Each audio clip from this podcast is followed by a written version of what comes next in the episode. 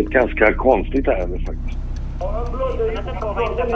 Det är polisen. Det är någon som ringer från Åtvidaberg. Han säger att någon blöder. Han vill inte gå in och titta. Lugna ner dig nu och berätta vad det är som har hänt här. I februari 2021 hittas en 31-åring knivhuggen till döds i en liten etta i Åtvidaberg. Din bror Chiar har gått bort och det är en mordutredning på gång. Det kändes som att min själ gick sönder. I lägenheten finns även offrets pappa.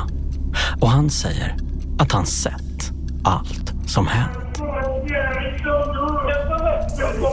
Han säger att han ser hur två personer hugger ihjäl hans son på balkongen. Och att han vet vilka de är. De två bröderna som mördat hans son. Eh, alltså jag såg hur eh, de hoppade på att och eh, attackera med kniven och hammaren. Och eh, då var det inte dörren helt stängt och han, under den tiden skrek han två gånger och eh, en, eh, de stängde dörren. Och då blir min följdfråga så här. Visst är det så att din uppfattning är att allt våld mot din son sker ute på balkongen? Nej. Ja. Pappan berättar att de båda bröderna, efter att ha huggit ihjäl sonen på balkongen, släpar in hans döda kropp i lägenheten.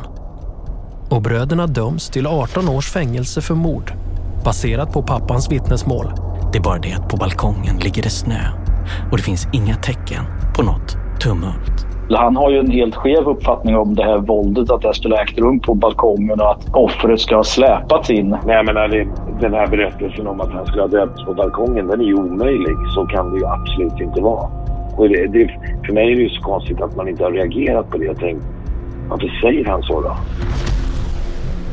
I Spår säsong 12, de avgörande minuterna i Åtvidaberg, försöker vi förstå vad som egentligen hände under de där minuterna som ledde till 31-årige Chiars död.